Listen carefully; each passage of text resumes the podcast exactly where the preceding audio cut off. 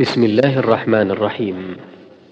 أيها الأحبة يسر تسجيلات التقوى الإسلامية بالرياض أن تقدم لكم هذه المادة والتي هي بعنوان وصايا لطلبة العلم. لفضيلة الشيخ محمد المختار الشنقيطي. بسم الله الرحمن الرحيم. الحمد لله العظيم الجليل وأشهد أن لا إله إلا الله وحده لا شريك له تعالى عن الشبيه والمثيل وأشهد أن سيدنا ونبينا محمدا عبده ورسوله الذي أرسله هاديا ودليلا فنعم الهادي والدليل. اللهم صل وسلم عليه وعلى آله وأتباعه إلى يوم تصير فيه الجبال كالكثيب المهيل. أما بعد فالسلام عليكم ورحمة الله وبركاته. وفي بداية هذا اللقاء فإنني أشكر بعد شكر الله عز وجل جامعة أم القرى ممثلة في عمادة شؤون الطلاب أن هيأت هذا اللقاء بكم على هذه الأرض الطيبة المباركة. وأسأل الله العظيم رب العرش الكريم أن يكتب لنا ولكم الخطى وأن يجعلها موجبة عنده للمحبة والرضا. أيها الأحبة في الله يا معشر طلاب العلم يا من اختاركم الله عز وجل من بين الناس لكي تأخذوا مشاعل النور والهداية. فيفتح الله بكم إذا شاء قلوبا طالما أغلقت وأسماعا طالما صمت وأعينا طالما عميت. والله على كل شيء قدير. فلله في أهل الخير نعم. ومن أجلها أنه شرفهم بالخير وجعلهم هداة وحملة له. وأنتم يا معشر طلاب العلم يا من فتح الله قلوبكم بكتابه ونور أبصاركم وبصائركم بسنة رسوله صلى الله عليه وسلم. كم نحن بحاجة إلى أن نقف أمام هذا الحق العظيم. وهو حق طلب العلم. وكم يحتاج طالب العلم دائما إلى من يذكره بجليل هذه النعمة وعظيم هذا الحق. فلذلك كانت هذه الكلمة التي أسأل الله العظيم رب العرش الكريم أن يرزقنا فيها القول السديد وأن يجعلها نافعة لنا ولكم يوم البأس الشديد. أيها الأحبة في الله إن العلم إن العلم كالغيث للقلوب يحيي الله عز وجل به الأفئدة بعد مواتها ويوقظها بعد غفلتها وينبهها من بعد منامها. هذا العلم لا يكون رحمة حقيقية للإنسان. إلا إذا أخلص فيه لوجه الله الكريم. فأول ما يوصى به طالب العلم أن يكون قلبه لله جل جلاله أن تكون السريرة سريرة تقية نقية تراقب الله جل جلاله وتريد ما عند الله عز وجل في كل صغير وكبير وفي كل جليل وحقير. القاعدة الأولى التي تقوم عليها هذه العبادة الجليلة وهي عبادة العلم الإخلاص لله سبحانه وتعالى. أن نتجه إلى الله بقلوب ليس فيها أحد سواه. فيأخذ طالب العلم هذا النور وهذه الرحمة وقلبه يريد ما عند الله جل جلاله. يأخذ هذا النور وهو يرجو رحمة الله في كل كلمة يسمعها ويقولها فتكون أشجانه وأحزانه لله جل جلاله فلا يزال بهذا الإخلاص تخط به في صحيفة عمله الحسنات ويستوجب بها عند الله رفعة الدرجات الإخلاص الذي رفع الله به شأن العلماء وجعل عبادتهم بريئة من غير الله من غير الله عز وجل. وهو الشر الذي فضل الله به سلف هذه الأمة على خلفها. ولذلك قال الإمام شيخ الإسلام ابن تيمية رحمه الله بل إخلاص الدين لله هو الدين الذي لا يقبل الله سواه. فلا قبول لهذا العلم ولا قبول للتعلم والتعليم. إلا إذا أراد الإنسان وجه الله الكريم. الوصية الثانية أن نفتح لهذا العلم أسماعنا وقلوبنا وأن نحس أن هذه الأسماع حقيقة بأن تتشرف وتتكرم وتكرم بكلام الله ورسوله صلى الله عليه وسلم. أن ينطلق طالب العلم وهو يشتعل قلبه شوقا لكلام الله وكلام رسوله صلى الله عليه وسلم. فيفتح قلبه وقالبه لماء الوحي حتى إذا نزل ذلك الماء على ذلك القلب كان كالغيث الطيب على الأرض الطيبة. وما من إنسان يعطي, يعطي العلم سمعه وقلبه إلا نفع الله نفعه الله بهذا العلم. ولذلك كان أول وصية من الله لموسى إني أنا اخترتك فاستمع لما يوحى أن نستمع للعلم وأن يكون عندنا الشوق والتلهف إلى مجالس العلماء وإلى حلق العلماء وأن ننطلق إلى رياض الجنة ننافس فيها إخواننا ونسابق فيها خلالنا. حتى نكون على أفضل ما يكون عليه المجد في طاعة الله عز وجل. إن هذا العلم إن هذا العلم رحمة من الله عز وجل. وكلما ازداد الإنسان من هذه الرحمة رفع الله قدره وأجل مكانه وأعلى ذكره. أن نفتح لهذا العلم أسماعنا وأن نفتح له قلوبنا. وكان بعض السلف يقول من استمع للعلم وأعطاه قلبه فإن الله ينفعه لا محالة. الاستماع للعلم. وأن نفتح لهذا العلم كل جوارحنا. فإذا وفق الله طالب العلم لكي يكون عنده الشوق إلى مجالس الذكر ومجالس العلماء ورياض العلماء فإنه لا يلبث بعد فترة حتى يجمع خيرا كثيرا. الوصية الثالثة أن يترجم هذا العلم للواقع.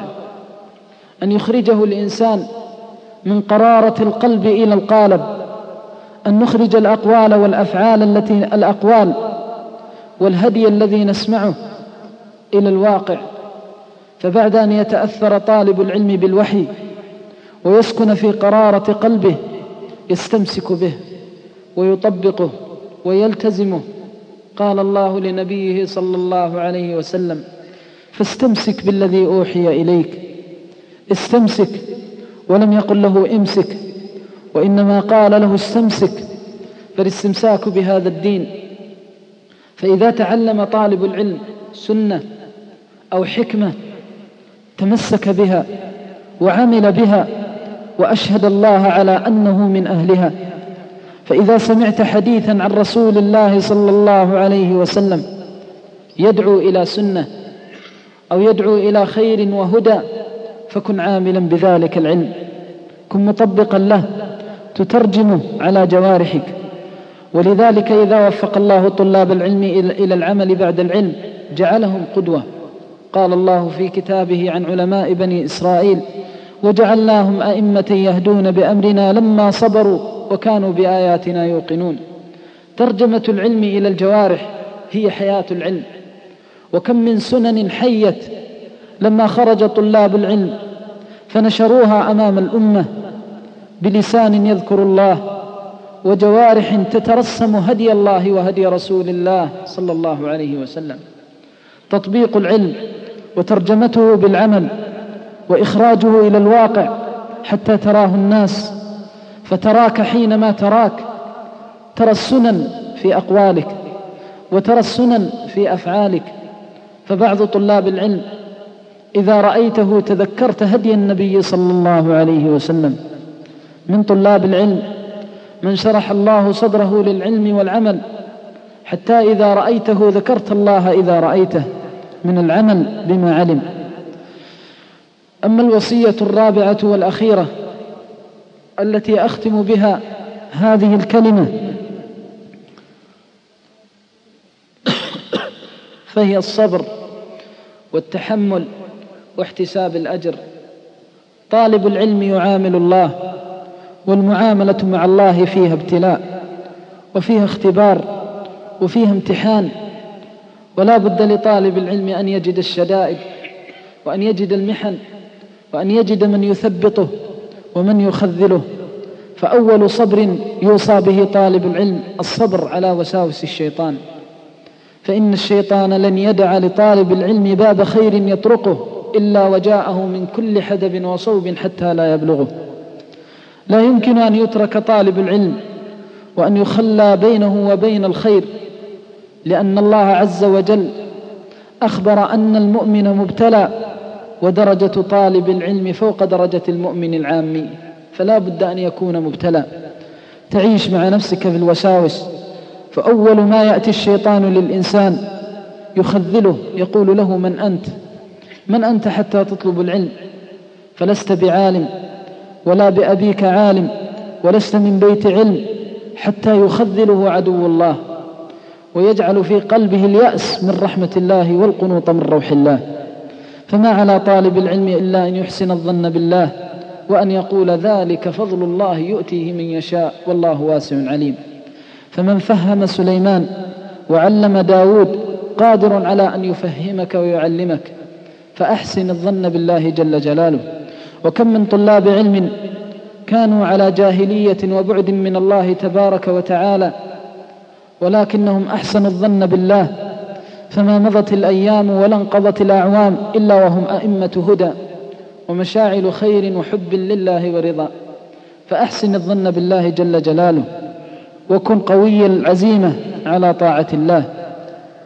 وقد تأتيك المحن التي تحتاج إلى الصبر في أهلك وذويك فتجد من يخذلك عن طلب العلم ويجعل العوائق بينك وبين طلب العلم من حاجات الناس وحاجات الأهل وأغراضهم فاستعن بالله فإنه نعم المولى ونعم النصير.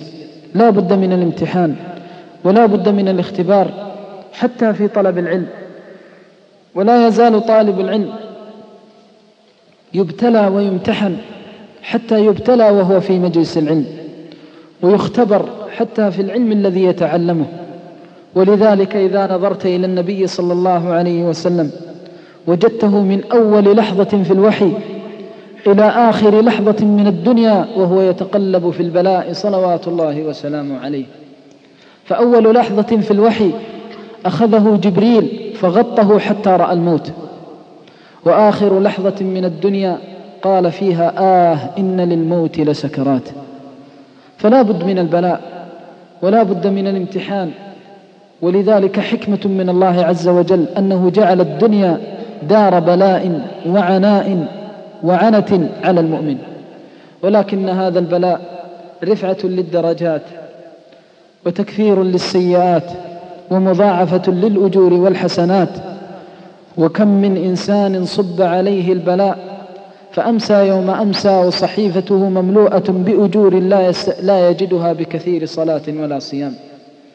فاصبر على طلب العلم واحتسب البلاء الذي تجده.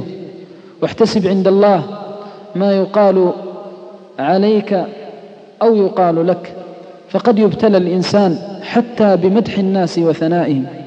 فإن الجاه والسمعة والشهرة قد تقتل الإنسان من حيث لا يدري. فما على الإنسان إلا أن يجاهد ويحتسب عند الله عز وجل أن يثبته وأن يوفقه. ونسأل الله العظيم رب العرش الكريم أن يجعلنا وإياكم أئمة هدى هداة مهتدين غير ضالين ولا مضلين. أحبتي في الله إن العلم مسؤولية عظيمة. والله ما من جماعة انفردوا بهذا العلم وأخذوا على أنفسهم أن يكونوا طلاب علم إلا تحملوا المسؤولية بين يدي الله عن ذلك. ولذلك كل طالب علم دخل إلى جامعة أو جلس في حلقة أو لازم شيخا فليعلم أنه بمجرد دخوله وبمجرد ملازمته قد وضع قدمه على عتبة المسؤولية بين يدي الله جل جلاله وأنه سيحمل على ظهره أمانة يوقف فيها بين يدي الله إما أن تشقيه وإما أن تسعده وترضيه. فاعلموا إخواني أن التخصص في العلم وحمل هذه الحكم من الكتاب والسنة ما هي إلا حجج تكون للإنسان أو على الإنسان. وجاء بعض السلف إلى أم المؤمنين عائشة رضي الله عنها وكان يسألها المسائل فقالت له أي بني يوما من الأيام أي بني أكل ما علمته عملت به. فقال يا أماه إني مقصر.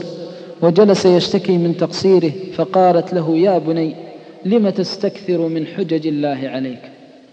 فينبغي لنا أن نستشعر أن هذا العلم الذي نتعلمه حجج لله علينا وأنه وراءنا أمم تنتظر هذا الوحي بفارغ الصبر.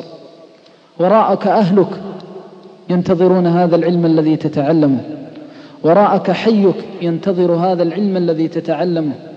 وراءك أهل بلدتك وعشيرتك ينتظرون هذا العلم الذي تتعلمه. فاتق الله فيما تعلمت. وكن غيورا على هذا الدين وبث الحكم من كتاب الله وسنة سيد المرسلين صلوات الله وسلامه عليه إلى يوم الدين. احتسبوا يا إخواني الأجر عند الله. واعلموا أن هذا العلم لا يراد به الدنيا وإنما يراد به ما عند الله. قال صلى الله عليه وسلم من تعلم علما مما يبتغى به وجه الله لينال به عرضا من الدنيا لم يرح رائحة الجنة. اللهم إنا نسألك الإخلاص في العلم والعمل ونسألك بعزتك وجلالك أن تجعل هذا العلم حجة لنا لا حجة علينا. وآخر دعوانا أن الحمد لله رب العالمين. وصلى الله وسلم وبارك على نبيه وآله وصحبه أجمعين. جزا الله فضيلة الشيخ خير الجزاء ونسأل الله العلي العظيم أن يجعل ما قاله في موازين حسناته. أحبتي هناك أسئلة كثيرة ونستسمح الشيخ في الأجوبة على الأسئلة. يقول السؤال الأول فضيلة الشيخ السلام عليكم ورحمة الله وبركاته. لا أجد في نفسي القدرة على استيعاب العلم أو الاستيعاب على العلم وأنا طالب في الجامعة ولكني أريد الجهاد وأبي يرفض هذا الأمر فكيف الحل؟ بسم الله الحمد لله الصلاة والسلام على رسول الله وعلى آله وصحبه ومن والاه. أما بعد فهم العلم وضبطه يحتاج إلى تفريغ القلب له. وقلبك مشغول بما أنت تحبه. وإذا تعلق القلب بحب شيء انصرف عن كل شيء سواه. فلعل ضعف فهمك فلعل ضعف فهمك. وإدراكك سببه أنك لم تعطي العلم ما يستحقه من, من الإقبال ومن العناية. ولذلك لم تجد له أثرا في نفسك. فأنت تحب شيئا غير العلم. وقلبك منصرف إلى هذا الشيء. وما جعل الله لرجل من قلبين في جوفه. فإذا كنت تريد العلم فأعط العلم كلك يعطك بعضه فكيف إذا لم تعطه شيئا؟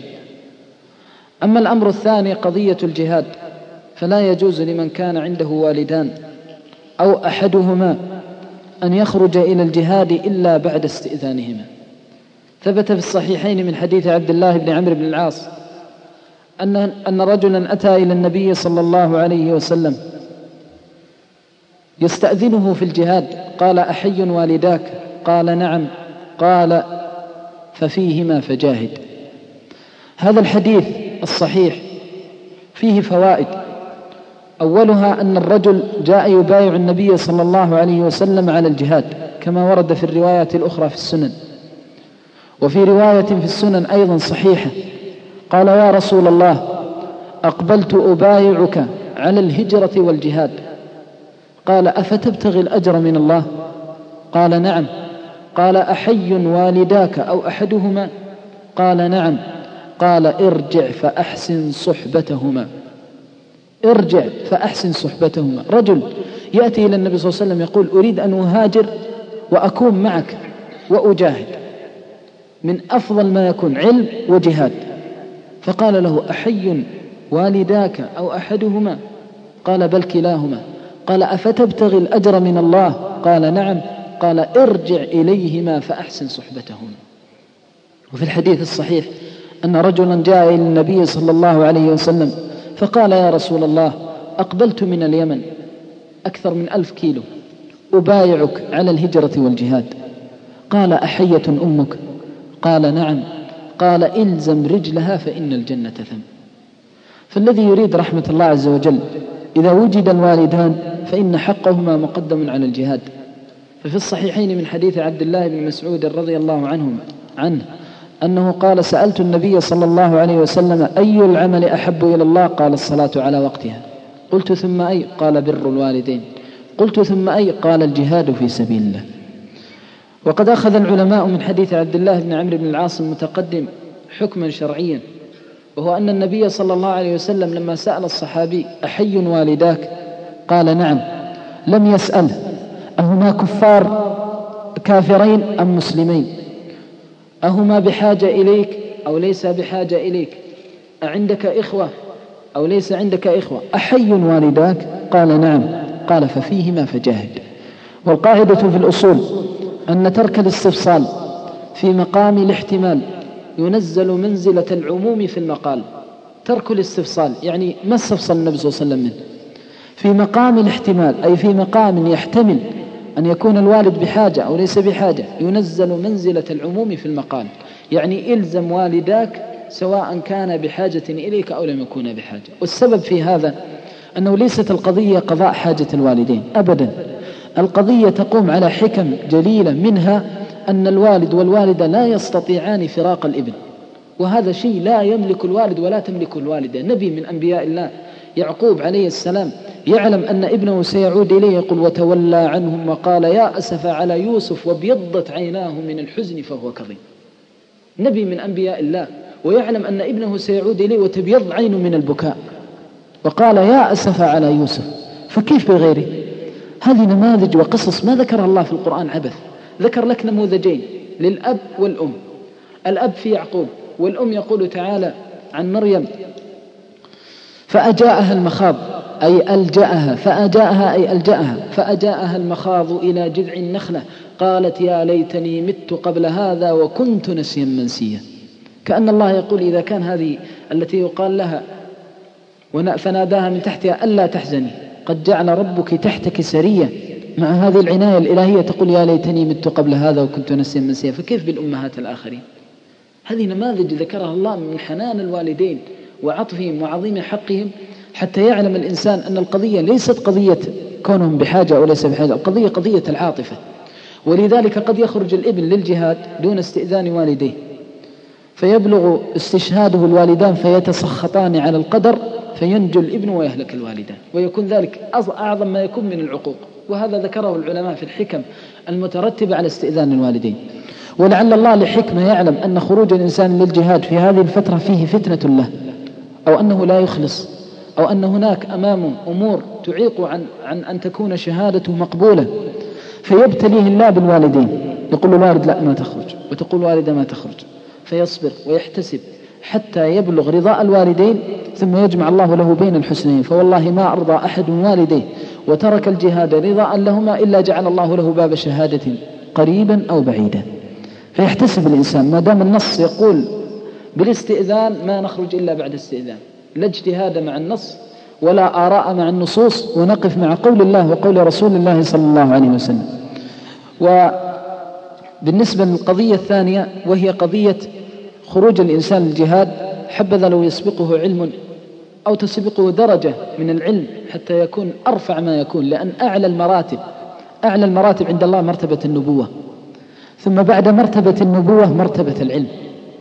ثم بعد مرتبة العلم الشهادة ثم الصلاح. أربع مراتب. جمع الله في قوله فأولئك مع الذين أنعم الله عليهم من النبيين. هذه أعلى درجة في الجنة. والصديقين. تعرفون من هم الصديقون؟ العلماء العاملون. والصديقين. والشهداء بعدهم. والصالحين. وإنما علت مرتبة العلماء لأن لأنها وراثة وخلافة تلي مقام النبوة. ولذلك كان مقامها أعلى من مقام الشهادة. المقصود أنه يحتسب الإنسان إذا كان والداه وينبغي أن يعلم أنه ينبغي للإنسان إذا أبى والداه عن الاستئذان ألا يلح عليهما. ولذلك قرر طائفة من العلماء على أنه لو ألح على والديه وأحرجهما بالإذن أن الإذن وجوده وعدمه على على حد سواء. لأنه لم يؤخذ برضاهما وإنما أخذ بكره لهما. فمنبغي للإنسان يحتسب. إذا وجد الرضا فليعلم أن الله قد اختار له الرضا وإن لم يجد فما عليه إلا أن يصبر. والله يأجره. يقول صلى الله عليه وسلم إن بالمدينة رجالا ما سلكتم واديا. يقول هذا وهو في تخوم الشام في غزوة العسرة. إن بالمدينة رجالا ما سلكتم واديا ولا قطعتم شعبا إلا كانوا معكم إلا شركوكم الأجر. قالوا يا رسول الله كيف وهم في المدينة؟ قال حبسهم العذر. فإذا امتنع الوالدان من الإذن فقد حبسك عذر شرعي. فاعلم أن الله يأجرك وأن الله يبلغك مراتب المجاهدين. والله تعالى جزاكم الله خير. سائل يقول فضيلة الشيخ ما هي وصيتكم لطالب لا يقيم لوقته موعدا أو موعدا محددا بل يجعل الظروف هي التي تحركه مع أنها تكون في مرضاة الله؟ وما حكم القول بالمجاز في القرآن؟ كما يطلب الدعاء منكم لنا أما بالنسبة للمسألة الأولى ترتيب الوقت عامل مهم جدا في الاستفادة طالب العلم يرتب طالب العلم الوقت والأفضل والأكمل بل هو الأصل. طالب العلم يلتزم بشيخ ويكون عالم عامل ملتزم بالكتاب والسنة يلتزم به ويصحبه ويرافقه يتأسى بالسلف رحمهم الله. فإذا لازم هذا العالم كان معه ورتب وقته على حسب دروس هذا العالم وعلى حسب مجالسه. وأما بالنسبة لإضاعة الوقت فهذا من من أعظم المصائب التي تكون على طالب العلم. أعز شيء يملك طالب علم الوقت والذي يريد العلم يحفظ وقته. وكان الوالد رحمه الله إذا ذكر عنده أحد يعني من طلاب العلم يقول نعم طالب العلم لأنه يرى حريص على وقته. وإذا رأى إنسان كثير الزيارة للناس كثير الاشتغال بفضول الدنيا لا يعده طالب علم لأن مفتاح طلب العلم الحفاظ على الوقت. ولا أعرف رحمه الله يعني في حرصه على الوقت أذكر أنه كان بمجرد ما يدخل بيت يستفتح بالصلاة فيصلي ما كتب له ما أذكر أنه دخل وجلس على فراشه في حياتي كلها معه ما أذكر أنه دخل وجلس على فراشه قبل أن يصلي إلا إذا كان وقت نهي. فيدخل ثم ينقلب على كتبه ويقرأ فيها ما شاء الله أن يقرأ حتى أن في بعض الأحيان يستمر إلى قرابة منتصف الليل. وإذا دعي إلى مناسبات أو ولائم يأخذ كتابه معه. فإن وجد في هذه المناسبة الفوائد ومجلس ذكر وعلم جلس فإن وجده فلان قال وفلان قال أخذ كتابه وذهب في ظل شجرة يقرأ حتى يحضر وقت الغذاء أو فتغذى ثم مضى. طالب العلم أعز شيء عنده الوقت. خاصة إذا كان خرج من مدينته إلى طلب العلم في مدينة ثانية. ما ترك والديه ولا ترك إخوانه ولا قرابته ما تركهم عبث. ينبغي الشخص الذي يسافر عن أهله ينبغي أن يحترق في قرارة قلبه على كل ساعة. لأنه حرم والديه رؤيته.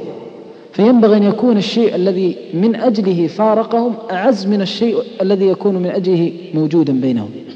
فينبغي الحرص على الوقت وإضاعة الأوقات في القيل والقال والترهات من أعظم الآفات التي تضيع على طالب العلم الخير الكثير. فأهم شيء الحرص على الوقت. من الحرص أيضا على الوقت إذا جلس طالب العلم مع عالم ولا طالب علم يستفيد. يعني إذا جلست مع طلاب العلم لا تجلس هكذا صامتا. سلهم مسألة. إن كانوا دونك في العلم اطرح عليهم مسألة ثم أفدهم بها. وإن كانوا أعلى منك ذاكرهم وتواضع للعلم دائما تكون في مذاكرة للعلم فإن مذاكرة العلم عبادة. والإنسان يشتري رحمة الله في طلب العلم في كل لحظاته وحركاته يحتسب حتى إذا جلس مع الناس أن يستفيد أو يفيد. فهذه رسالة طالب العلم. أما قضية المجاز في القرآن هذه مسألة خلافية. من العلماء من قال لا مجاز في القرآن ومنهم من قال فيه المجاز والصحيح أن المجاز موجود في القرآن في غير أسماء الله وصفاته. والدليل على وجوده أنه لا يستطيع أحد أن ينكر وجود المجاز في اللغة. المجاز موجود في اللغة وهو بلسان العرب. قال الله تعالى في كتابه إنا نخاف من ربنا يوما عبوسا قمطريرا فهل يوم القيامة يعبس على الحقيقة؟ وقال تعالى إذ زاغت الأبصار وبلغت القلوب الحناجر. هل القلوب بلغت الحناجر حقيقة؟ إنما هو كناية. وقال تعالى يا أيها الذين آمنوا إذا نكحتم المؤمنات ثم طلقتموهن من قبل أن تمسوهن. كناية عن الجماع. فهذا كله تجوز في العبارة. ولكن في أسماء الله وصفاته ليس هناك مجاز. والسبب الذي جعل العلماء يقولون بنفي المجاز عموما في القرآن قفل على الأشاعرة. باب التأويل. ولكن ممكن أن نقفل عليهم باب التأويل بأن نقر بوجود الأسلوب ولكن في أسماء الله وصفاته نناقشهم بالطريقة التالية وهي نقول لهم إنه اتفق العلماء على أنه إذا تعارضت الحقيقة والمجاز فإن الأصل حمل الدلائل في الكتاب والسنة على الحقيقة حتى يدل الدليل على المجاز. فلما قال الله يدي أيدينا حملناها على الحقيقة. فلما لم يوجد دليل من الكتاب والسنة على صرف اللفظ عن الحقيقة بقينا عليها. فقلتم بالصرف أعني الأشاعرة قلتم بالصرف بدلالة العقل ولا نعتبرها دليلا كافيا للعدول عن ظاهر القرآن. فمن الممكن يعني مناقشة الأشاعرة حينما قالوا بالمجاز في الأسماء والصفات مناقشة بهذا الأصل وهذا الأصل قرره الأصوليون في باب تعارض الحقائق وعن العموم القول بوجوده أو عدم وجوده يقرر بعض العلماء أن الخلاف لفظي. من ناحية الخلاف يقول أنه لفظي لأنهم يقولوا الأسلوب موجود. ولكن اختلف هل يسمى مجاز أو أن العرب تكلمت به على هذه الصفة. فإن الكلام موجود. قال صلى الله عليه وسلم لمعاذ ثكلتك أمك. ما معنى ثكلتك أمك؟ فقدتك. هل يقصد النبي صلى الله عليه وسلم الفقد؟ رغم أنف امرئ أدرك أحد أبويه أو كلاهما فلم يدخلاه الجنة. هل رغم المراد به الرغام حقيقة؟ كل كنايات. كل هذا كنايات لأن اللغة العربية لغة واسعة وهذا الذي يعني يعتبر من سماتها سعتها فإنه قد يراد ظاهر اللفظ وقد يراد غير اللفظ. فالمقصود أن الأسلوب موجود.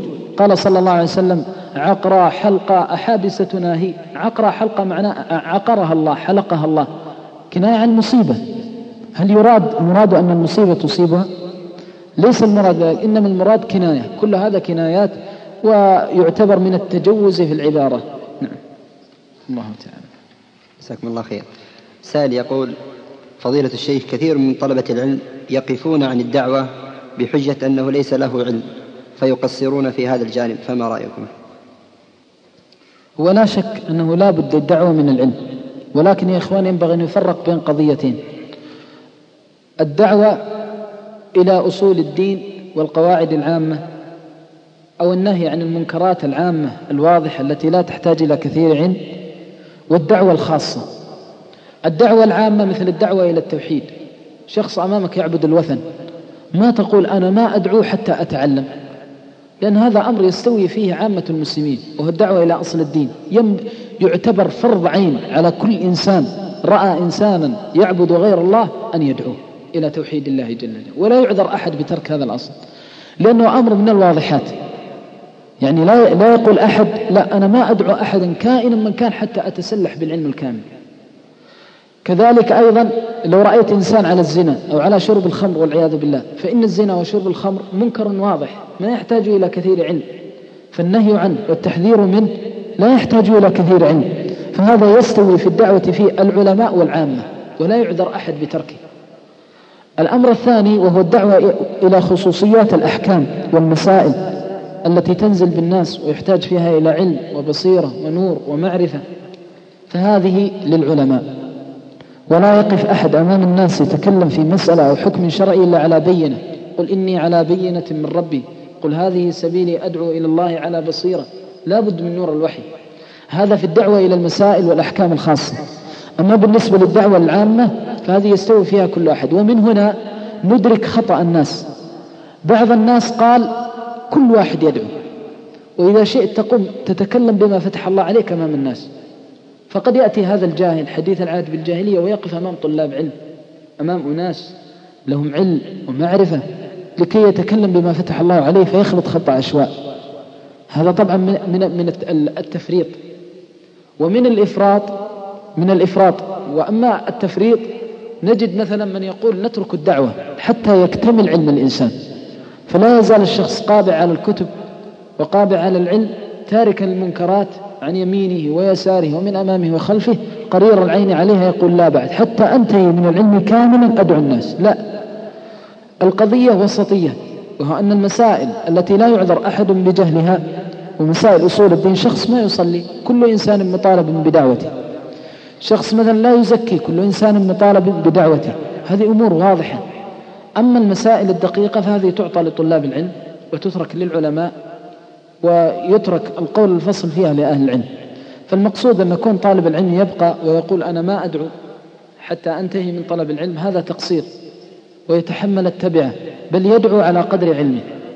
نحن لا نطالب أن ندعو بما هو فوق علمه ولكن نطالب بالدعوة على قدر علمه. فطالب العلم مثلا الذي تعلم هدي النبي صلى الله عليه وسلم في مسائل حتى ولو كان في أحكام العبادات يا أخي لو تقوم بعد صلاة العصر كل يوم تتكلم على هدي من هدي النبي صلى الله عليه وسلم وأنت طالب علم. تحدث عن صفة وضوء النبي صلى الله عليه وسلم هذا صعب. تحدث عن صفة صلاة النبي صلى الله عليه وسلم من خلال السنة. تبين للناس ما يتعلم أحد سنة منك إلا كنت شريكا له في الأجر. لا تدل الإنسان على هدي إلا كنت كان لك مثل أجره. ولو أن هذا الإنسان علم أبناءه وبناته وأهله أو جيرانه أو نطق بهذه السنة كان لك مثل أجره. فضل عظيم. فلذلك أقول أن طالب العلم يعلم ولكن على قدر علمه. القضية الثانية أنه ينبغي أن يصحب هذا العلم بشيء من القدوة الحسنة ما أمكن. والله تعالى أعلم. جزاكم الله خير. كثيرا حقيقة كثرة الأسئلة حول القرآن الكريم. وهذا سائل يقول شيخنا الفاضل أحفظ شيء من القرآن ولكني لا أراجعه. كلما بدأت في المراجعة ما أنتهي من جزء حتى انشغلت حتى انشغلت ويصيبني الفتور ويصيبني الفتور في المراجعة. وهكذا كلما بدأت. فأعطيني علاج بارك الله فيك. أكثر من الاستغفار. هذا سببه ذنب. من وجد أنه في العلم يعني يحال بينه وبين العلم فليعلم أن هناك ذنب بينه وبين العلم. فأكثر من الاستغفار حتى يرحمك الله عز وجل. ولذلك قال تعالى واستغفروه لعلكم ترحمون. والأمر الثاني آه، أن تأخذ جدول مرتب للمراجعة. فترتب ختمك للقرآن ثلاثة أيام أو عشرة أيام كل ليلة ثلاثة أجزاء أو كل يوم ثلاثة أجزاء. ثم تحافظ على هذا ولو بلغ الأمر مبلغه لو كل يوم تقرأ جزء لو يحدث ما يحدث لا تترك هذا الجزء. وبإذن الله بعد فترة يقوى حفظك ويسهل عليك القرآن. هذا من تعاهد القرآن. أقل شيء أن تجعل لك في اليوم جزء. ولو يحدث ما يحدث لا تترك هذا الجزء. والله الأمر يسير. الآن لو خرجت من هذا المكان إلى البيت جرب ابتدئ بجزء. ما تصل إلى نص الطريق إلا وأنت خاتم. لكن من يعمل؟ الأمر يسير لكن من الذي يعمل؟ فلذلك الإنسان يجاهد يجعل له برنامج أو يرتب له وقت معين لمراجعة القرآن. ويكون ترتيبه للمراجعة على قدر على قدر يتناسب مع ظروفه. هذا بالنسبة للمراجعة. أمثل طريقة أن يحدد له جزءا أو قدرا معينا من القرآن يراجعه خلال شهر أو خلال عشرة أيام أو خلال ثلاثة أيام وهذا أكمل. ولذلك الإمام الشافعي لما جاءته امرأة وسألته عن حجية السنة قال أنظريني ثلاثة أيام. لماذا؟ لأنه كان يختم القرآن كل ثلاث. فلما كانت الليلة الثالثة كبر في السحر لأنه بلغ قول الله تعالى وما آتاكم الرسول فخذوا وما نهاكم عنه فانتهوا. وهذا إنما يكون في الثلث الأخير من القرآن. فهكذا كان السلف ولذلك لما تقرأ كتب السلف تجد عندهم شواهد عجيبة من القرآن. أحيانا يأتيك بآية يستنبط منها معنى لطيف تستعجب كيف استحضروا لهذه المسألة. لماذا؟ لأنهم قوامين الليل بالقرآن. فيختم كل ثلاثة أيام. فالمسائل التي تنزل به خلال الثلاثة الأيام وهو مشغول بتلاوة القرآن تمر عليه الحجج. وكل شيء كان عندهم يعرضون على كلام الله. كل شيء كانوا يعرضون على كلام الله. وكان يقول الإمام الشافعي في كلام معناه أنهم ما من معضلة إلا وقد جعل الله حلها في القرآن. فكانوا مع هذا القرآن. فالإنسان يجعل له برنامج معين يحفظ يختم فيه القرآن وبإذن الله يعينه الله على ذلك والله تعالى. جزاكم الله خير. سائل يقول فضيلة الشيخ في يوم من الأيام وأنا أتحدث مع أحد زملائي وأسأل وأسأله عن أحوالي فقال لي متضايق مضطرب فقلت له صلي ركعتين بإذن الله يزول كل هذا الاضطراب. وهذا وقت ضحى فأريد أن أنصحه بفائدة ركعتي الضحى. فقال لي عبارة لا تتعب معي عارف أنا من متى لم أصلي؟ فقال منذ رمضان العام الماضي. فأصبت بالذهول فنصحته أن يبدأ من هذه الصلاة من صلاة الظهر. وأريد منك يا فضيلة الشيخ توجيه كيف أبدأ مع هذا وهو زميل لي.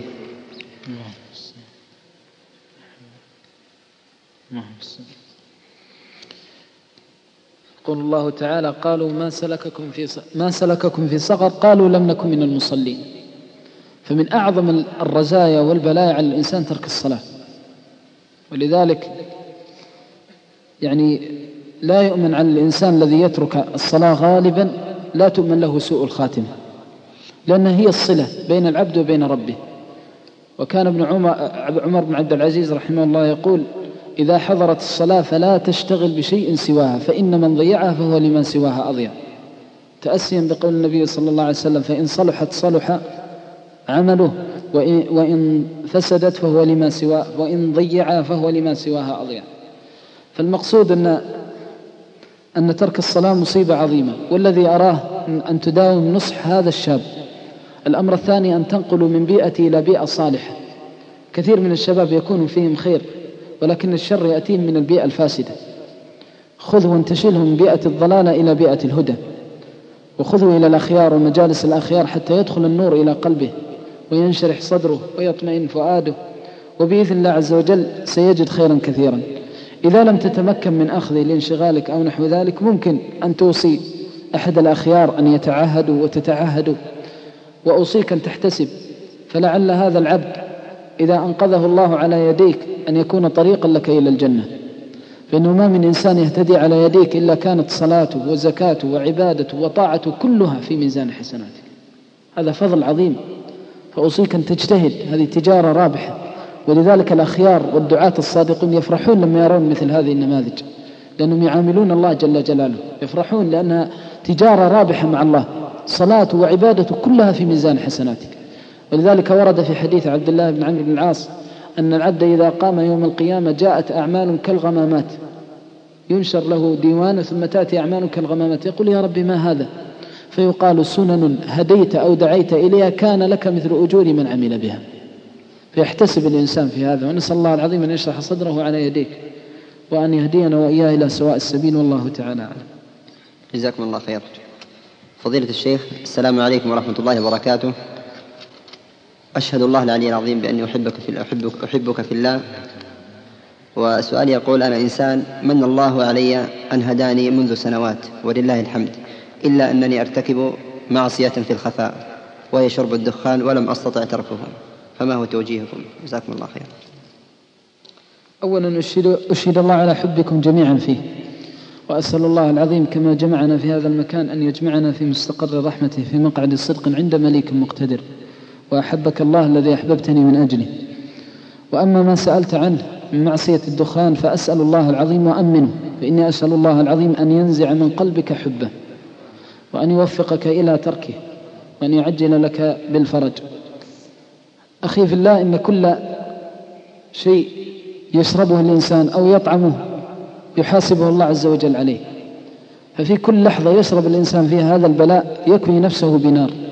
نار الدنيا قبل نار الآخرة. ولو كان الإنسان والعياذ بالله مبتلى بالدخان فإن هذه الصغيرة قد تكون وسيلة للكبيرة. وهذا كما يقول العلماء أن الإنسان إذا داوم على الصغائر قد تنتهي به إلى الكبائر. والذي جعلك تهجر فراشك في جوف الليل إذا سمعت منادي المنادي ينادي إلى الصلاة والذي جعلك تخرج في شدة النهار في شدة الحر والقر للعبادة والصلاة. هذا الجهاد الذي جاهدت به واهتديت والتزمت أهون منه ترك الدخان. ولكن الشيطان خبيث. الشيطان يقول لك ما تستطيع وهذا أمر صعب. أنت داومت سنوات ولكن اعزم. فوالله الذي لا إله إلا هو ما من إنسان يصاب بذنب ويصدق مع الله إلا صدق الله معه. لكن مهم الصدق. ولذلك قال النبي صلى الله عليه وسلم في دعائه وأسألك العزيمة عن الرشد الأمر يحتاج إلى عزيمة فقط. ولقد عهدنا إلى آدم من قبل فنسي ولم نجد له عزما فأول ما تجد المعونة والتوفيق من الله جل جلاله. وأول ما تجد الحب من الله لأنه بمجرد ما تجد في نفسك الكراهية لهذا الشيء يعتبر أو تعتبر الكراهية من أعمال القلوب وقربة لك بينك وبين الله. يقول الله إن يعلم الله في قلوبكم خيرا يؤتكم خيرا. فإذا علم الله في قلبك أنك تكره الدخان أعانك. لكن اصدق اصدق مع الله. أوصيك بوصية ثالثة. إذا أصبحت فأوصيك حتى تترك الدخان أن تجعل آخر عهدك بالدنيا غروب الشمس. يعني عد كأنك ستموت عند غروب الشمس. والله بإذن الله عز وجل ستجد معونة من الله في تركه. وهذا في أي معصية. اعتبر أنه خلاص غروب الشمس هو آخر أمد لك. وهذا من أعظم العون الذي يعين على الطاعة ويعين على ترك المعصية. قصر الأمل في الدنيا. والدخان يعني أمر خطير جدا يعني حتى ذكر والعياذ بالله. يعني حتى بعض العلماء يقول لا آمن على من شرب الدخان فابتلي بمرض فمات من أن يكون قاتلا لنفسه والعياذ بالله. يقول لا آمن عليه ذلك. وهذا في الحقيقة فيه شبهة. يعني هذا الحكم ما هو بعيد لأن الله يقول ولا تقتلوا أنفسكم. فإذا كان هو يعلم أنه سبيل للسرطان والسرطان سبيل إلى الموت والعياذ بالله. أو سبيل للأمراض الخطيرة في الرئة. فكأنه يعلم أن هذا السم الذي يتحسى ينتهي به إلى نار جهنم. ولذلك ثبت في الحديث الصحيح عن النبي صلى الله عليه وسلم من تحسى سما فمات منه فهو في نار جهنم يتحساه خالدا مخلدا فيها. والعياذ بالله. أمر خطير جدا يا إخوان. مسألة الدخان. يقرر بعض العلماء أنه لا يؤمن على الإنسان إذا بلي بمرض بسبب هذا الدخان يكون قاتلا لنفسه. وتذكر عبر يعني ينبغي الإنسان تحكى للاعتبار عن الثقات أنه والعياذ بالله بلغ ببعضهم أنه وجه للقبلة ولم يتوجه. نسأل الله السلامة والعافية. وما عرف عنه إلا شرب الدخان. ومنهم من كان والعياذ بالله يشرب البلاء هذا الشيشة. يقول فلما وضعته في القبر وجدت رائحتها في قبره. نسأل الله السلامة والعافية. فالأمر خطير جدا لأن هذه الأرواح أمانة. والله سبحانه وتعالى يحاسب صاحبها عليها. فنسأل الله العظيم أن يسلمنا من ذلك وأن يعافينا وإياكم وذرياتنا من هذا البلاء. وقد قال صلى الله عليه وسلم إن لنفسك عليك حقا. والله تعالى أعلم. جزاكم الله خير. نطلب من إخواننا التقدم إلى الأمام. إخوانكم فيه الشمس. ممكن تتقدموا قليلا.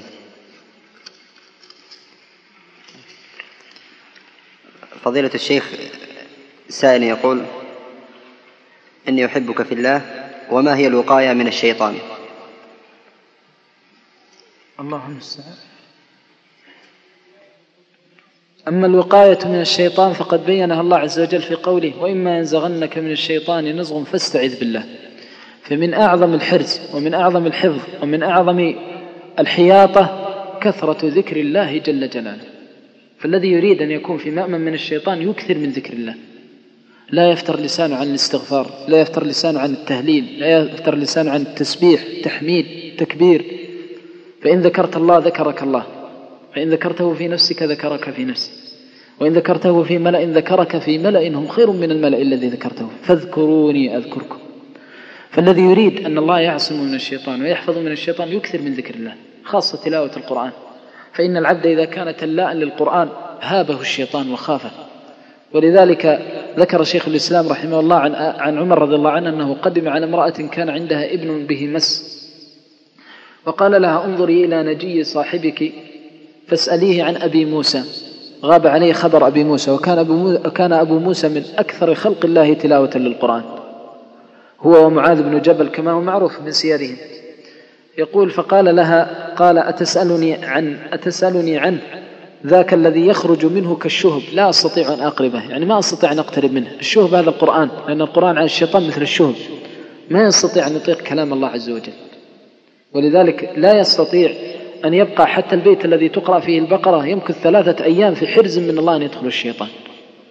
فالقرآن وكثرة تلاوة القرآن الذي يريد انشراح الصدر والذي يريد أن يكون من الصالحين والذي يريد أن يكون من السابقين إلى الخيرات يكثر من ذكر الله. والله أثنى على هؤلاء وقال والذاكرين الله كثيرا والذاكرات. وقال يا أيها الذين آمنوا اذكروا الله ذكرا كثيرا وسبحوه بكرة وأصيلا. يا أيها الذين آمنوا اذكروا الله ذكرا كثيرا. وسبحوه بكرة وأصيلا. والله يا إخوان هذه الآية ما يقرأها الإنسان إلا ويتفطر قلبه حزن. الله يوصيك من فوق سبع سماوات أن تذكره وهو غني عن الذكر وأنت أفقر ما تكون إلى هذا الذكر. وإذا أمسى الواحد ينظر في صحيفة عملي كم ذكر الله جل جلاله؟ ما في إلا أذكار الصلاة. هذا إذا كان يحافظ على أذكار الصلاة. أين تلاوة القرآن؟ كم جزء قرأ؟ ثم كم تسبيحة كم استغفار كم تهليله كم تحميده كم تكبيره ما يجد إلا القليل. هذه من الرزايا. ولذلك ما هو غريب أن تجد الشخص سمت سمت صالح لكن قلبه خاوي. لأن ذكر الله قليل. ما تنشرح الصدور إلا بذكر الله. ألا بذكر الله تطمئن القلوب. ولا ترتاح النفوس ولا تبهج إلا بذكر الله جل جلاله. والذي يريد السعادة والأنس يأنس بالله. ولذلك والله تجد إنسان ولو كان وحيدا فريدا مع كتاب الله كأن الدنيا بين يديه حقيقة. بكثرة ذكر الله. يقول صلى الله عليه وسلم في صحيح مسلم في جبل قريب منا هنا بجوار منطقة خليص. هذا جمدان وهم مسافرون. يقول لهم هذا جمدان سبق المفردون. سيروا هذا جمدان سبق المفردون. قالوا ومن المفردون يا رسول الله؟ قال الذاكرون الله كثيرا والذاكرات سبقوا. ولذلك تأتي يوم القيامة وتجد الصالحين قد سبقوك بمراحل كثيرة.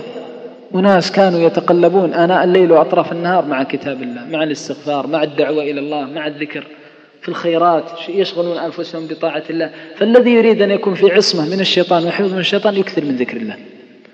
فإن من ذكر الله ذكره الله ومن ذكر الله فنعم والله الحال حاله. نسأل الله العظيم أن يعيننا على ذلك وأن يجعلنا من أهله. والله تعالى. جزاكم الله خير.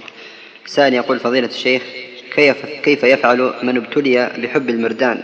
وكيف يعالج نفسه من ذلك؟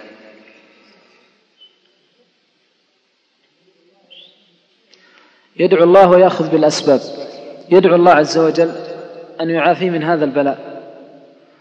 ولا يجلس معهم ولا يحرص على مجالسهم. وإذا وجد الفتنة يقوم. لا يحل له أن يجلس في مجلس يجد فيه الفتنة من أمرد وكان السلف الصالح رحمه الله يحذرون من صحبتهم والجلوس معهم. يدعو الله ويأخذ بالأسباب. فإذا وفق الله الإنسان للدعاء والأخذ بالأسباب التي من أعظمها أنه لا يكثر من مجالستهم ولا صحبتهم ما أمكن فإن الله يعصم آه، أيضا القضية الثالثة أن المحبة والتعلق سببها ضعف الإيمان. الغالب أن الإنسان لا يتعلق ولا يحب محبة غير شرعية إلا بضعف الإيمان والعياذ بالله. فالذي يريد أن الله عز وجل يشفي من هذا يعالج هذا البلاء بقوة الحب لله جل جلاله. لأن القلب هو وعاء الحب. فإذا ملئ بمحبة الله وأصبح مليء بحب الله لم يجد حب ما سواه مكانا في ذلك القلب. ولذلك دائما تحاول وهذا من من أهم ما ينبغي أن يعتني به الشاب المهتدي. أول ما يعتني به بعد التوفيق للهداية أن يقوي الإيمان في قلبه وذلك بمحبة الله المحبة الصادقة. قال الله تعالى والذين آمنوا أشد حبا لله. فالذي يريد أن يكون على كمال الإيمان يملأ قلبه حب لله فإذا جاءت محبة ما سواه هانت عليه أمام محبة الله جل جلاله. فإن كان يحب لجمال فإن الله جميل كما ثبت في الحديث الصحيح. وإذا كشف الحجاب عن وجهه لأهل الجنة نسوا النعيم الذي هم فيه. وتركوه واشتغلوا بذلك الجمال ورؤية ذلك الجمال. وينقلبوا إلى أهلهم كما في صحيح مسلم فيقولون لقد ازددتم بعدنا جمالا فيقولون والله لقد ازددتم بعدنا جمالا. من جمال النظر يقول تعالى وجوه يومئذ ناظرة النظرة هذا كمال النعيم والبهجة والسرور الذي تراه في وجه الإنسان. وجوه يومئذ ناظرة لكن هذه النظرة بإيش؟ إلى ربها ناظرة. فإذا كان تحب الجمال فالله له كمال الجمال والجلال جل جلاله وتقدس أسماؤه. وإن كان للمال فالله بيده خزائن السماوات والأرض. يده سحاء الليل والنهار لا تغيضها نفقة. تفكر في أي شيء تحب من أجله أحد وانظر إليه في جوار الله جل جلاله. ما يعد شيء. فالإنسان الذي يريد أن, أن ينصرف قلبه عن الخلق إلى الخالق جل جلاله فإنه يعظم في قلبه حب الله. فيصبح القلب مملوء بحب الله. إذا امتلأ القلب بحب الله تأتي المرحلة الثانية. ما يتجه القلب لحب شيء إلا من خلال حب الله. ولذلك بين النبي صلى الله عليه وسلم أن الولاء والبراء وأن الحب في الله والبغض في الله من أوثق عرى الإيمان. ليه؟ لأن معناه أن القلب قد امتلأ إيمانا إلى درجة ما يتجه إلا لحبيب الله ولا ينقبض إلا عن عدو الله. كما قال الله عن هؤلاء أولئك كتب في قلوبهم الإيمان. ثم انظر كيف تعبير القرآن. كتب. كأن الإيمان نقش في هذه القلوب. الله أكبر. كتب في قلوبهم الإيمان. فالإنسان الذي يريد أن قلبه ما يتجه إلى حب شيء غير الله يملأ قلبه بحب الله. فحب المرداء والتعلق بالمرداء جاء من فراغ. وهذا الفراغ هو ضعف الإيمان.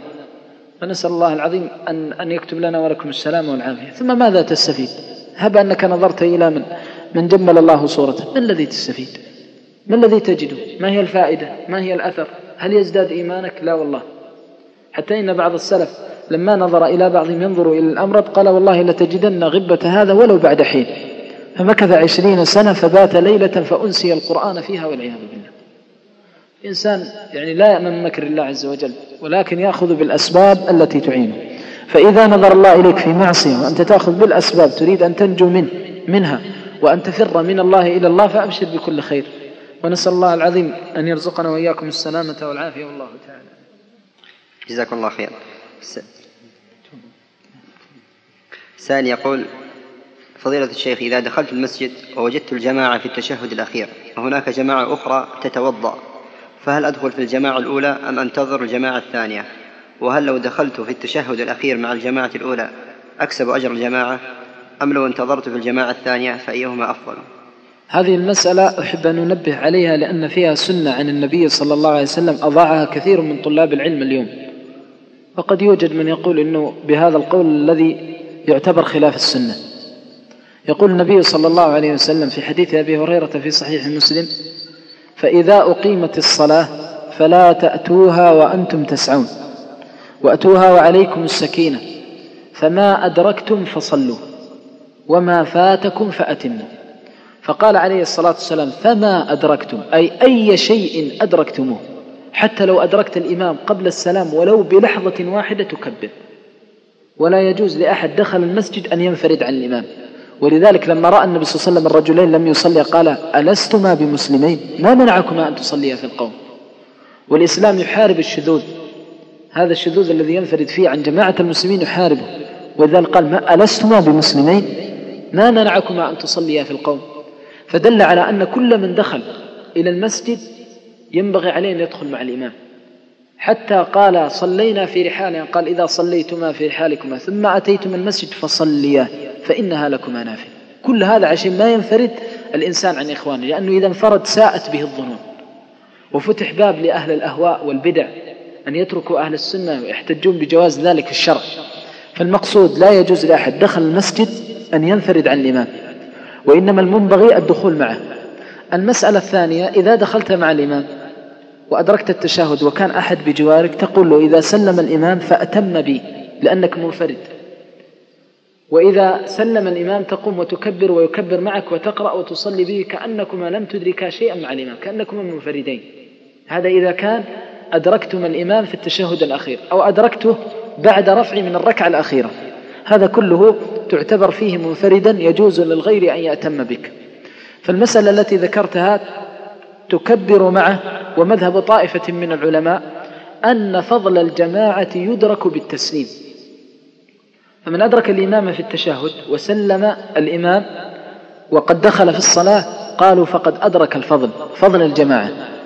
لأن النبي صلى الله عليه وسلم بين أن خمسا وعشرين ضعفا على المشي إلى المسجد. فأنت مدرك لفضل الجماعة وبناء على هذا فلا يجوز الانفراد ولا يجوز الوقوف إلى أن تدخل الجماعة الثانية. وإنما يكبر الإنسان ويدرك الإمام. الجماعة الثانية أيهما أفضل؟ نعم آه، تدرك طبعا تكبر لأن تكبيرة الإحرام منك قد وقعت في وقت سابق للجماعة الثانية. ولذلك العبرة بتكبيرة الإحرام. فمن كبر تكبيرة الإحرام مثلا في الساعة الثانية وصلى ولو مع واحد جماعة أفضل مما لو انتظر جماعة كثيرة إلى الساعة الثانية وعشر دقائق. لأن النبي صلى الله عليه وسلم يقول إن العبد ليصلي الصلاة في وقتها. إن العبد ليصلي الصلاة. وما يصليها في وقتها ولا ما فاته من وقتها خير له من الدنيا وما فيها. هذا ولا, ولا, ولا ما فاته من وقتها يعني قليلا كان أو كثيرا. فيحرص على فضل الوقت. فلا شك أن دخولك مع الجماعة الأولى مع إحداث جماعة ثانية بعد السلام أفضل من بقائك وانتظارك والله تعالى. جزاكم الله خير. سائل يقول أنا إمام وخطيب في أحد الجوامع ولقد اتهمت في عقيدتي من بعض الشباب الملتزمين والذي أعلمه من نفسي أني أعتقد بمعتقد أهل السنة والجماعة وإن كنت لا أعلم في مسائل العقيدة كثيرا فماذا أفعل معهم وما هو نصيحتكم إليهم؟ الذي تفعله أن تدعو هؤلاء الذين يتكلمون في عقيدتك. وأن تجتمع أنت وإياهم بين يدي إنسان من أهل العلم. فيعرضوا ما عندهم من الشبه والمآخذ وتتقي الله فيما يقولون. فإن كانوا صادقين صدقت وبينت كلام حجتك بكلامك. فما كان من صواب قبلته وما كان من خطأ رددته. فإن كان القوم قوم بهت وأصحاب استعجال وأغراض وأهواء فاصبر أخي في الله فإنه لا بد من الابتلاء. يقول الله عز وجل عن نبيه موسى يا أيها الذين آمنوا لا تكونوا كالذين آذوا موسى. فبرأه الله مما قالوا. الله أكبر. آذوا موسى ما تركه قال فبرأه الله. فكل من تقلد إمامة أو منصب ديني وطعن فيه فالله هو الذي يتولى أمره. فبرأه الله مما قالوا. إيش بعده؟ وكان عند الله وجيها. ما ذكر صلاة موسى ولا عبادته لكن ذكر بلاءه وطعن الناس فيه. ثم قال بعدها وكان عند الله وجيها. فإذا الوجاهة التي يريدها طالب العلم يعلم أن أمامها الطعن في عقيدة الطعن في منهج الطعن في فكره الطعن في رأيه. ثم إننا نقول لكل طلاب العلم اتقوا الله في أنفسكم. فإن الله ما أرسلنا حفظ على العباد وما أرسلنا متتبعين لعورات الناس. فإن من تتبع عورة مسلم تتبع الله عورته. ومن تتبع الله عورته فضحه ولو كان في قعر بيته. أن نتقي الله في عورات المسلمين وأن نتقي الله في أعراض المسلمين وأن نتقي الله فيما نقول في إخواننا وأن نحب لإخواننا ما نحب لأنفسنا أن نكره ما نكره لأنفسنا. هذا من دلائل الإيمان. وليس معنى هذا أن نترك الحبل على الغارب لأهل البدع والأهواء لا. انتقد ببينة. وإذا رأيت إنسان من أهل البدع تذهب إليه وتنصحه. وتذكر بالله وتقيم حجة الله عليه. يا أخي النبي صلى الله عليه وسلم كان يأتي إلى عبدة الأوثان ويقول اللهم اهد قومي فإنهم قوم لا يعلمون. فكيف إنسان قد يكون عنده خطأ أو شبهة ولعل الله أن يشرح صدره على يدك. ولذلك من أفضل ما يكون من الدعوة الدعوة إلى سلامة المعتقد. فمن أحب الدعوات إلى الله ومن أحب العلم وأشرف وأكرم عند الله علم العقيدة. إذا كان الإنسان يحس بجلالة هذا العلم وفضله وعظيم منزلته عند الله فينبغي أن يكون أفضل الناس في غرسه في قلوب الناس وأن يكون عنده المنهجية السديدة لا ينفر الناس. يعني الشخص لما تأتي بمجرد ما ترى عليه خطأ تجلس تثلب فيه تثلب فيه حتى يكره الحق هذا صعب يا أخي. ولكن هيئ له أمرا يدعو إلى ترك هذه البدعة وترك هذا الهوى. زوروا المرة الأولى المرة الثانية المرة الثالثة مع طلاب علم المرة الرابعة مع شيخ أوصي العلماء الذين يعرفون بنصحه ابذل كل ما تستطيع. كأنك أمام إنسان غريق. فإن الله عز وجل قد ينقذ على يدك. هذا أمر مهم جدا. أن نكون ناصحين. وأن يكون النصح لعامة المسلمين وأئمة المسلمين وعلمائهم بالشكل الذي يرغب في الحق لا الذي ينفر منه. والتهم هذه التي تقال والتي يعني تحاك لا يجوز للمسلم أن ينقلها بلسانه إلا على بينة. لا يجوز ولو أنك سمعت إنسان يقولون والله في فلان في عقيدتي. هذه الكلمة ولو تنقلها نقل تحاسب بها بين يدي الله ويكون هذا الشخص خصم لك بين يدي الله. والله ما تقول في إنسان في عقيدة شيء إلا جاء يوم القيامة يلببك بين يدي الله عز وجل يقول يا رب سل هذا فقد قال في كذا وكذا إذ تلقونه بألسنتكم وتقولون بأفواهكم ما ليس لكم به علم وتحسبونه هينا وهو عند الله إيش؟ هذا إذا كان سبحان الله عظيم في القذف في العرض فكيف في العقيدة؟ سبحان الله أخبر الله أن الذين يرمون المحصنات الغافلات المؤمنات لعنوا في الدنيا والآخرة ولهم عذاب عظيم. هذا ماذا إذا قذف في العرض؟ فكيف بمن؟ يقذف في الأفكار. والمناهج فلان ضال في منهجي فلان زائغ في منهجي فلان كذا ولا يتحرك. نحن لا نفتح الباب كما نقول لأهل البدع والأهواء لا مانع أن, أن تحذر من أهل البدع. وأن تبين خطأهم وأن تبين ما هم عليه ولكن على بينة على بينة. والمراد أن, أن نتقي الله في أعراض المسلمين الذين يقال فيهم الشائعات من العلماء والدعاة والأخيار والأئمة دون بينة. فهذا ليس من شأن المسلم. يا أيها الذين آمنوا إن جاءكم فاسق بنبأ إيش؟ تبينوا. في قراءة فتثبتوا. وجاء في الحديث ألا إن التبين من الله والعجلة من الشيطان. وهو حديث متكلم في سنده لكن معناه صحيح. فإن العجلة من الشيطان لأن الشيطان بسرعة يريد ولذلك تجد من ينقل هذه الشائعات إذا كان مريض القلب يعتني بسرعة بنقلها. والله إنه يبلغ ببعض أنه يفرح لما يجد على الداعية أو على الشيخ ما أخذ. يفرح يريد أن أن نسأل الله السلامة والعافية كالذباب لا يقع إلا على النجس والخبث والعياذ بالله. هذه من آفات القلوب وأمراض القلوب نسأل الله أن يسلمنا منها. وهذا كلام عام للناس جميعا. والله لا نعني به طائفة ولا أمة ولكن نعني به كل من خالف هذا المنهج. الذي قامت عليه نصوص الكتاب والسنة. ينبغي أن نحفظ أعراض المسلمين وأن تكون عندنا الحرص على توجيه الناس أكثر من تنفيرهم. يقول صلى الله عليه وسلم لمعاذ وأبي موسى وهم ذاهبون إلى قوم كافرين من أهل الكتاب يسرا ولا تعسرا بشرا ولا تنفرا بشرا ولا تنفرا. فالإنسان لما يجي ينفر غيره بالأسلوب يقول عباد بن الصامت ويحكى عن معاذ رضي الله عنه كلمة حكيمة. إنكم تسمعون الزلة عن العالم فلا تعجلوا عليه. ما في أحد كامل لا بد العالم يقع في خطأ. فلا تعجلوا عليه فإنه أحرى أن يراجع نفسه.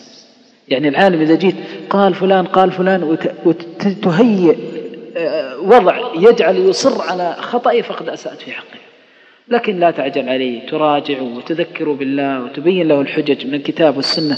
وإذا به قد استفاق وانجلت عنه العماية فيدعو لك بخير. وتكون سبب في توجيه وهذا من حق العالم علينا. المقصود أن هذه أمور ينبغي التنبه لها. وما ذكرته أخي السائل أوصيك أن تعرض ما أنت فيه وإياهم على كتاب الله وسنة النبي صلى الله عليه وسلم.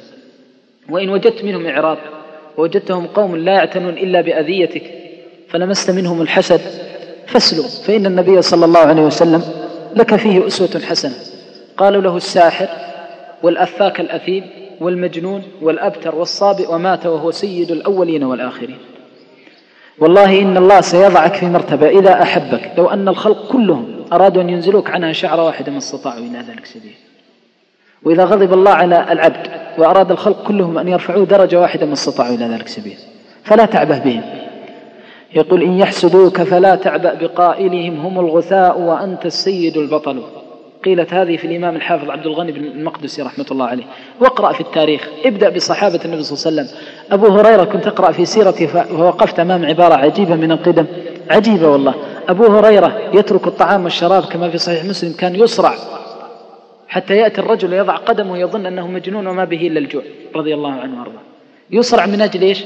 من أجل أن يصحب النبي صلى الله عليه وسلم على ملء بطنه. يريد أن يحفظ لنا سنته. رضي الله عنه وأرضاه.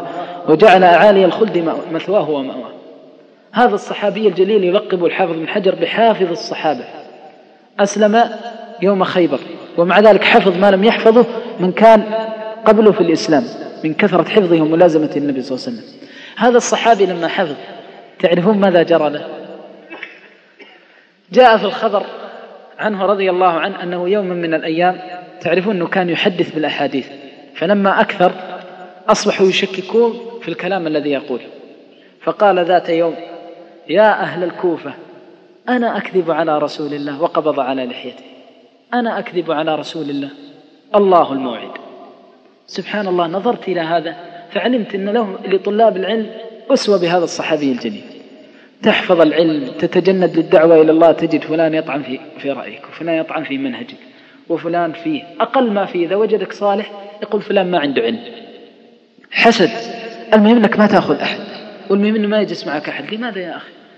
ينبغي التآلف والتكاتف وأن يحس كل إنسان أنه يشد على يد أخيه وأن يعينه. ونسأل الله العظيم أن يسلمنا من أمراض القلوب وأن يصلح الحال وأن يوجب لنا العصمة في المال. والله تعالى جزاكم الله خير. سائل يقول نرجو من شيخنا الكريم أن يعطينا بعض الأشياء عن حياة أبيكم وبعض المواقف وهذه أمنية كل طالب علم سمع بأبيكم يريد أن يعرف هذا الشيخ. الشيخ العالم الرباني وجزاكم الله خير. والله هذا سؤال مفاجئ والمشكلة أن الشخص إذا فوجئ بالسؤال ما يستحضر. الله المستعان. يعني من أهم الأمور التي كنت ألمسها في الوالد رحمة الله عليه قضية الإخلاص. كان أهم ما يعتني به عليه رحمة الله قضية يعني إخلاص العمل لله جل جلاله. وأذكر أني ذات مرة راجعته في مسألة وكان فيها دخل من الدنيا. فقال لي يا بني إن الله عليم بذات الصدور. والله هذه الكلمة إلى الآن في قلبي. كل ما وجدت شيء من دخل الدنيا تذكرت قوله إن الله عليم بذات الصدور. فقال بذات ولم يقل بالصدور. إنه عليم بذات الصدور يعني بحقائق ما فيها من إرادة وجهه أو إرادة الدنيا. كذلك أيضا يعني مما أذكر فيه رحمة الله عليه كثرة العبادة الخفية. كان يجلس مع الناس ولا يعني تظهر عليه كثرة العبادة. ولكن ما إن يخلو بجوف الليل حتى أسمع نشيجه وبكاءه من غرفته رحمة الله عليه. وأذكر أنه كان كثير القيام لليل يعني حتى أذكر أن ذات مرة كان هناك أحد المشايخ يستبعد أن الشخص يختم القرآن في ليلة. ويقول هذا بعيد جدا.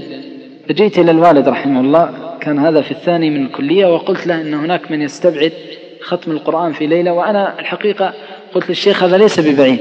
يعني أثناء إلقاء المحاضرة قلت هذا ليس بعيد لأن الشخص خلال ربع ساعة 12 دقيقة يكون انتهى من الجزء. فإذا كان في ليالي الشتاء من الممكن أنه يختم في ليلة واحدة. فالشاهد أني ذهبت إلى الوالد رحمة الله عليه فذكرت له ذلك فقال هذا بسيط يعني ختم القرآن في ليلة بسيط. هو خلاف السنة طبعا كما تعلمون. السنة لا يختم في أقل من ثلاث لكن الشاهد أنه قال هذا يعني سهل جدا. فما زلت به رحمة الله عليه قلت لا ما يعني كأني أشكك وكأني مع الشيخ لما يقول هذا بعيد. حتى قال لي والله يا بني الحمد لله يعني مرت علي في بداية الطلب يعني سنوات ما أستفتح بعد العشاء بالقرآن إلا ويأتي السحر وأنا في آخر القرآن. رحمة الله عليه. وكان معروف عنه يقول لي العم يعني محل اتفاق أنه ما كانت عنده صبوة إلى الحرام وكان أهم شيء عنده الوقت. حتى كان في أيام الطلب يذكر لي أحد كبار السن الموجودين الآن عن خال له كان قريب من الشيخ الذي ارتاح الوالد لأخذ العلم عنه. يقول كان يقدم ما يخالط أحد من طلاب العلم لأنه كان رحمة الله عليه ما يحب الاختلاط بالناس إلا إذا كان في فائدة. ما يأنس بكل أحد ولا يرتاح لكل أحد. حريص على شغل الوقت بالفائدة. فمن أهم ما لاحظت فيه الحرص على الوقت. يعني كان إذا دخل بيت كما ذكرت إذا دخل أول ما يستفتح بالصلاة ما أذكر في حياتي أنه دخل المنزل وجلس. حتى والله في المرض يصلي جالسا. ما يدخل بيته إلا استفتح بما كتب الله له. ثم ينقلب مباشرة إلى فراشي وأمام فراشي ما لا يقل عن عشرين كتاب.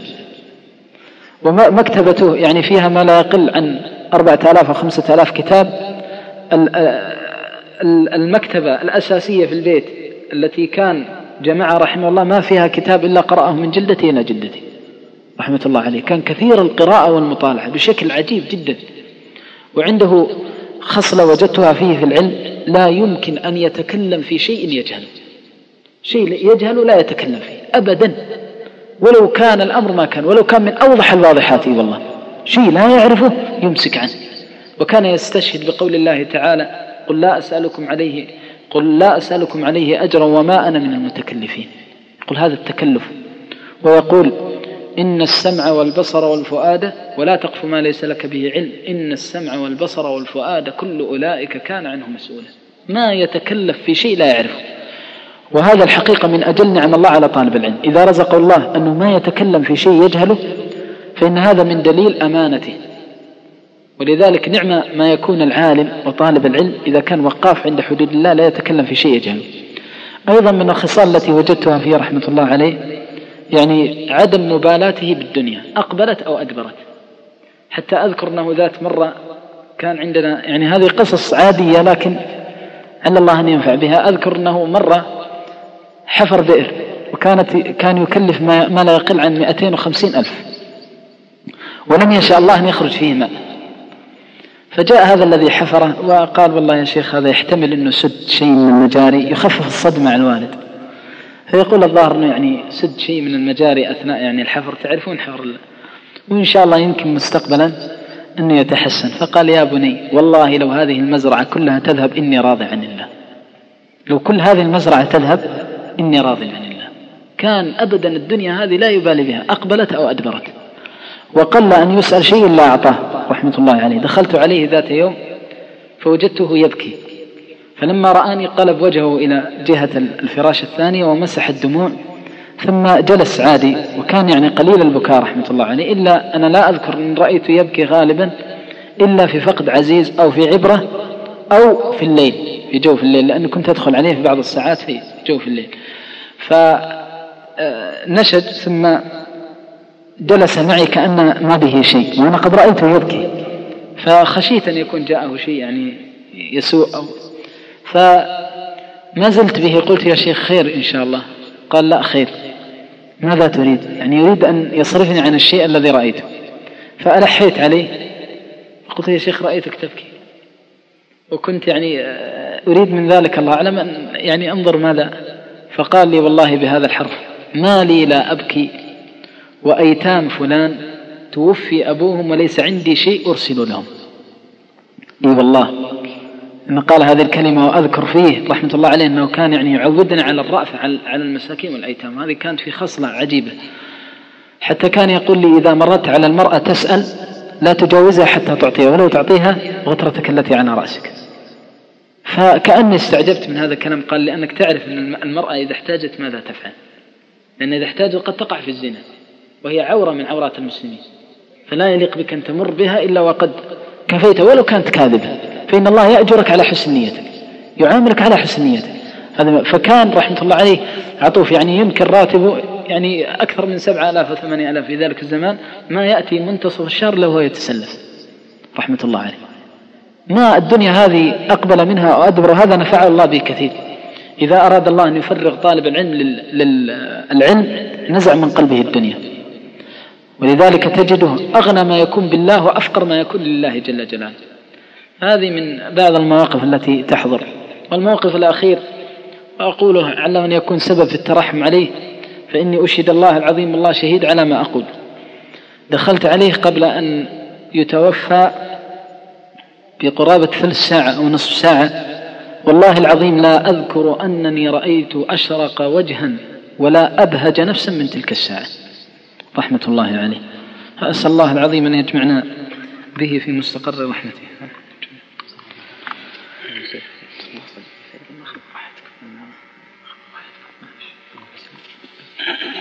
بس نخشى نشق على الله نختم إن شاء الله في الختام نطلب من فضيلة الشيخ كلمة يعني تحث الشباب ودور طالب العلم نحو قضايا هذه الأمة قضايا المسلمين وعلما بأن هناك في هذا المعرض مع في هذا المخيم معرض عن أحوال المسلمين في أنحاء العالم. فكلمة نود من شيخ الفاضل لإخوانه ولطلابه تحثهم على الاهتمام بهذا الأمر. وعلى يعني جمع التبرع لإخوان المسلمين علما بأن هناك مكتب خاص من هيئة الإغاثة يعني قد عمل معرضا في هذا. الله المستعان الله المستعان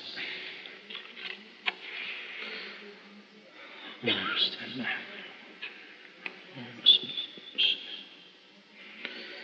الله المستعان إلى الله المشتكى. ماذا يقول الإنسان الحقيقة؟ في جراح لا تزداد إلا نزيفا.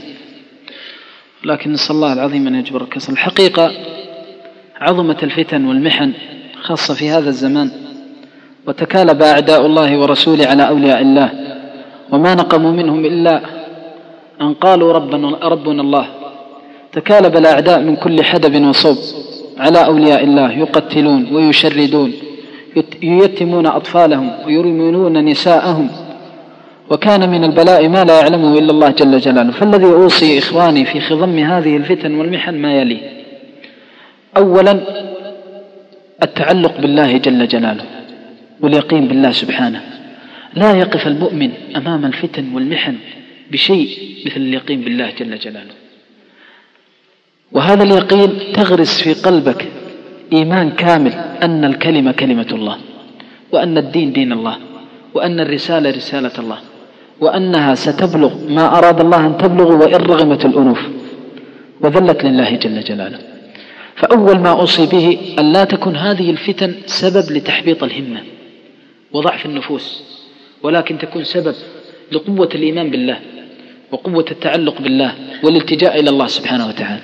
يكون عندك يقين أن أعداء الإسلام مهما فعلوا فإن الله وراءهم ولهم بالرصد وبما يعملون محيط. دخل التتار على دولة الإسلام وخلافة المسلمين فوضعت وضع تراث الأمة على نهر دجلة حتى ساح بلون المداد. تراث أمة قرون عديدة وضع لكي تسير الخيول على نهر دجلة حتى أصبح ماء دجلة بلون المداد. هل انتهى الإسلام؟ أبدا بل عاد يمكن أقوى مما كان عليه. الإسلام دين يغلب ولا يغلب. وينفذ ولا يرد. ما يستطيع أحد أن يقف في وجهه. جاءت سخينة كي تغالب ربها ولا يغلبن مغالب الغلاب. من هذا الذي يستطيع أن يقف أمام ملك الملوك؟ ومن هذا الذي يستطيع أن يطفئ نور الله جل جلاله؟ إن هذه الفتن لما نسمعها تؤلم القلوب. ولكن الذي نخشاه أن شباب الصحوة أو الشباب الأخيار قد تخور قواهم أمام هذا السيل الجارف من الكيد للإسلام والأذية لعباد الله. ولكن صبر جميل. فإن الله بالرصد. والله يمهل ولا يهمل. والقوة لله والأرض أرض الله والكون كون الله والخلق خلق الله والأمر أمر الله ولا ينفذن أمر الله جل جلاله. كان النبي صلى الله عليه وسلم في المدينة ولذلك من عجيب ما يقع. غالبا إذا اشتدت الفتن والمحن يجعل الله فرجها من حيث لا يدور بالحسبان. كلما اشتدت الفتن على المؤمنين خاصة الفتن هذه التي يراد بها الدين غالبا يأتي فيها الفرج من حيث لا يحتسب المؤمنون. انظر في بدر التقى المسلمون بالكفار فكانت الغلبة للمسلمين. لكن القتال قتال إيش حسي؟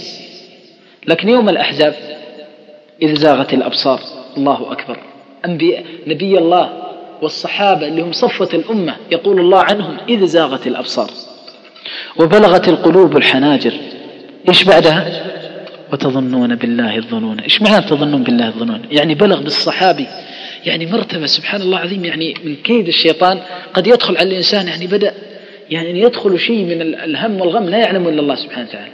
يقول الله عن هذا الأمر العظيم هنالك. ما قال هناك؟ لأن زيادة المبنى تدل على زيادة المعنى. هنالك. أي في ذلك المقام العظيم من الابتلاء والامتحان. ابتلي المؤمنون. ما هي وحدها؟ ثم وزلزلوا. انظروا كيف الزلزال إذا ضرب أرض. فكيف بزلازل القلوب؟ فكذلك نزلزل مثل ما زلزل الصحابة. وزلزلوا كما قال الله عن الأنبياء وصفة الأنبياء في ذلك الأزمنة. قال وزلزلوا زلزالا شديدا. إذا كان الله زلزل الصحابة زلزالا شديدا فكيف بنا نحن الحقراء؟ مثل ما مر الحق هو الحق والباطل هو الباطل. وإن تغير الستار وتبدل الشعار فهو ملة الكفار شئنا أم أبينا؟ ولكنها أيام تمر ولكن الحقيقة واحدة حق وباطل. فإياكم ثم إياكم أن يكون هذه المآسي المؤلمة هي لا شك أنها جارحة للقلوب ومؤلمة للقلوب لكن لا تكون سبب للتخذيل بل ينبغي أن تكون سبب لقوة الشكيمة. وكأي من نبي قاتل معه ربيون كثير إيش بعده؟ فما وهنوا لما أصابهم في سبيل الله. وما ضعفوا وما استكانوا والله يحب الصابرين. اليقين ما تقف أمام الشدائد والمحن والفتن بشيء أقوى من اليقين بالله جل جلاله. وأن يكون عندك قوة ثقة بالله سبحانه وتعالى أن الكلمة ستنفذ. وأن الأمر سيمضي إن عاجلا أو آجلا. الأمر الثاني ينبغي أن نأخذ بالأسباب. وهي إلهية وكونية يعني شرعية وكونية. شرعية أمرنا الله عز وجل بها منها الدعاء ومن أعظمها الدعاء. أن نكثر من الدعاء لإخواننا. أقل ما فيها أنك في السحر إذا أوترت ودعوت لإخوانك تترجم عما في قلبك أنك بذلت شيء لإخوانك. تدعو وتذكر أخي أرملة من المسلمين فقدت زوجها من أجل لا إله إلا الله. أرملة من المسلمين فقدت زوجها من أجل لا إله إلا الله. تصور أنها لو كانت قريبتك أو كانت أمك أو أختك أو بنتك كيف يكون حالك؟ هل يهنأ لك العيش؟ هل يهنأ, هل يهنأ لك البال؟ هل ترتاح؟ فلذلك الدعاء تدعو وأن تستشعر أن إخوانك يفتقرون منك إلى الدعوة الصالحة. والدعاء سلاح المؤمن. كثرة الدعاء لإخواننا وأن نجعل هذا الدعاء أشجاننا وأحزاننا مع أحزان إخواننا وأشجاننا. الأمر الثالث الأخذ بالأسباب التي نؤمر بها في الدين بأن نعد لأعدائنا ما أمر الله بإعداده. فمن استطاع أن يعينهم بنفسه فليعينهم بنفسه من استطاع أن يعينهم بماله فليعينهم بماله من استطاع أن يعينهم بالكلمة التي تدل على حاجتهم وافتقارهم وحاجتهم إلى الوقوف معهم فليقل. يكون مع إخوانه قلبا وقالبا أن نكون مع إخواننا نعيش أشجانهم وأحزانهم. ولذلك لما بلغ خبر مقتل عثمان رضي الله عنه إلى أبي حميد الساعدي قال اللهم لك علي ألا أضحك أبدا. من شدة ما سمع من مصاب أخيه في الله عثمان الخليفة الراشد. فكيف بأعراض تنتهك ودماء تسفك؟ وغير ذلك نساء من المسلمين يرملوا ويوتموا أطفالهم وإلى الله المشتكى. لكن الذي نحب أن نقول أنه ينبغي أن نوطن أنفسنا وأن نعد العدة. لأعداء الله عز وجل. وذلك بما ذكرنا على قدر استطاعة الإنسان ووسعه يبذل كل ما يستطيع لإعانة إخوانهم إخوانه والوقوف معهم وأن تكون هذه الوقفة الصادقة. الأمر الأخير الإخلاص. إذا أردنا أن نقف مع إخواننا نقف بإخلاص. لما يتحدث الإنسان في هذه القضايا يتحدث بإخلاص. ما يتحدث من أجل غيظ شخصي أو حنق شخصي أبدا يتحدث من واقع إسلامي. وشعور إسلامي نابع من القلب يريد وجه الله حتى تكون الكلمات هادفة ومؤثرة وبالغة إلى القلوب. اللهم إنا نسألك بأسمائك الحسنى وصفاتك العلى أن تعجل لإخواننا بالفرج. اللهم انصر المستضعفين من عبادك المسلمين في مشارق الأرض ومغاربها أجمعين. اللهم عليك بأعداء الدين. اللهم عليك بأعداء الدين. اللهم أيتم أطفالهم وأرمل نساءهم وشتت شملهم وفرق جموعهم وأنزل بهم بأسك الذي لا يرد عن القوم الظالمين. اللهم إنا نسألك ثباتا في هذه المحن يرضيك عنا يوم لقائك. اللهم ثبت قلوبنا بتثبيتك. اللهم إنا نسألك اليقين بك والتوكل عليك وصدق اللجأ إليك. لا إله إلا أنت سبحانك إنا كنا من الظالمين. اللهم إنا نسألك لإخواننا المستضعفين في مشارق الأرض ومغاربها أن تسلم مصابهم. اللهم اجبر كسرهم. اللهم أطعم جائعهم اللهم اسق اللهم اسق ظمآهم اللهم ارحم موتاهم اللهم ارحمهم برحمتك الواسعة اللهم أنزل عليهم من الصبر والسلوان والثبات أضعاف ما أنزلت عليهم من البلاء اللهم أزل عنهم العناء اللهم اكشف عنهم البلاء اللهم أنزل عنهم العناء واكشف عنهم البلاء اللهم كفر بذلك كله ذنوبهم اللهم ثقل به موازين حسناتهم اللهم ثقل به موازين حسناتهم وارفع به درجاتهم وتقبل شهداءهم. برحمتك يا أرحم الراحمين. لا إله إلا أنت سبحانك إنا كنا من الظالمين. وآخر دعوانا أن الحمد لله رب العالمين. جزا الله فضيلة الشيخ خير الجزاء ونسأل الله العلي العظيم أن يجعل ما قاله في موازين حسناته يوم يلقاه. كما أنبه إخواني بأنه سوف تكون إن شاء الله تعالى محاضرة بعنوان مواقف من التاريخ لفضيلة الدكتور عبد العزيز الحميدي رئيس مركز الأئمة والدعاة. وذلك بعد صلاة المغرب من هذا اليوم إن شاء الله تعالى. وندعو إخواننا بزيارة المعرض وزيارة نادي الشريط. وجزاكم الله خير وصلى الله وسلم على نبينا محمد وعلى آله وصحبه وسلم. أيها الإخوة بموجب فهرس تسجيلات التقوى فإن رقم هذا الشريط هو عشرة آلاف وأربعمائة وثمانية وعشرون.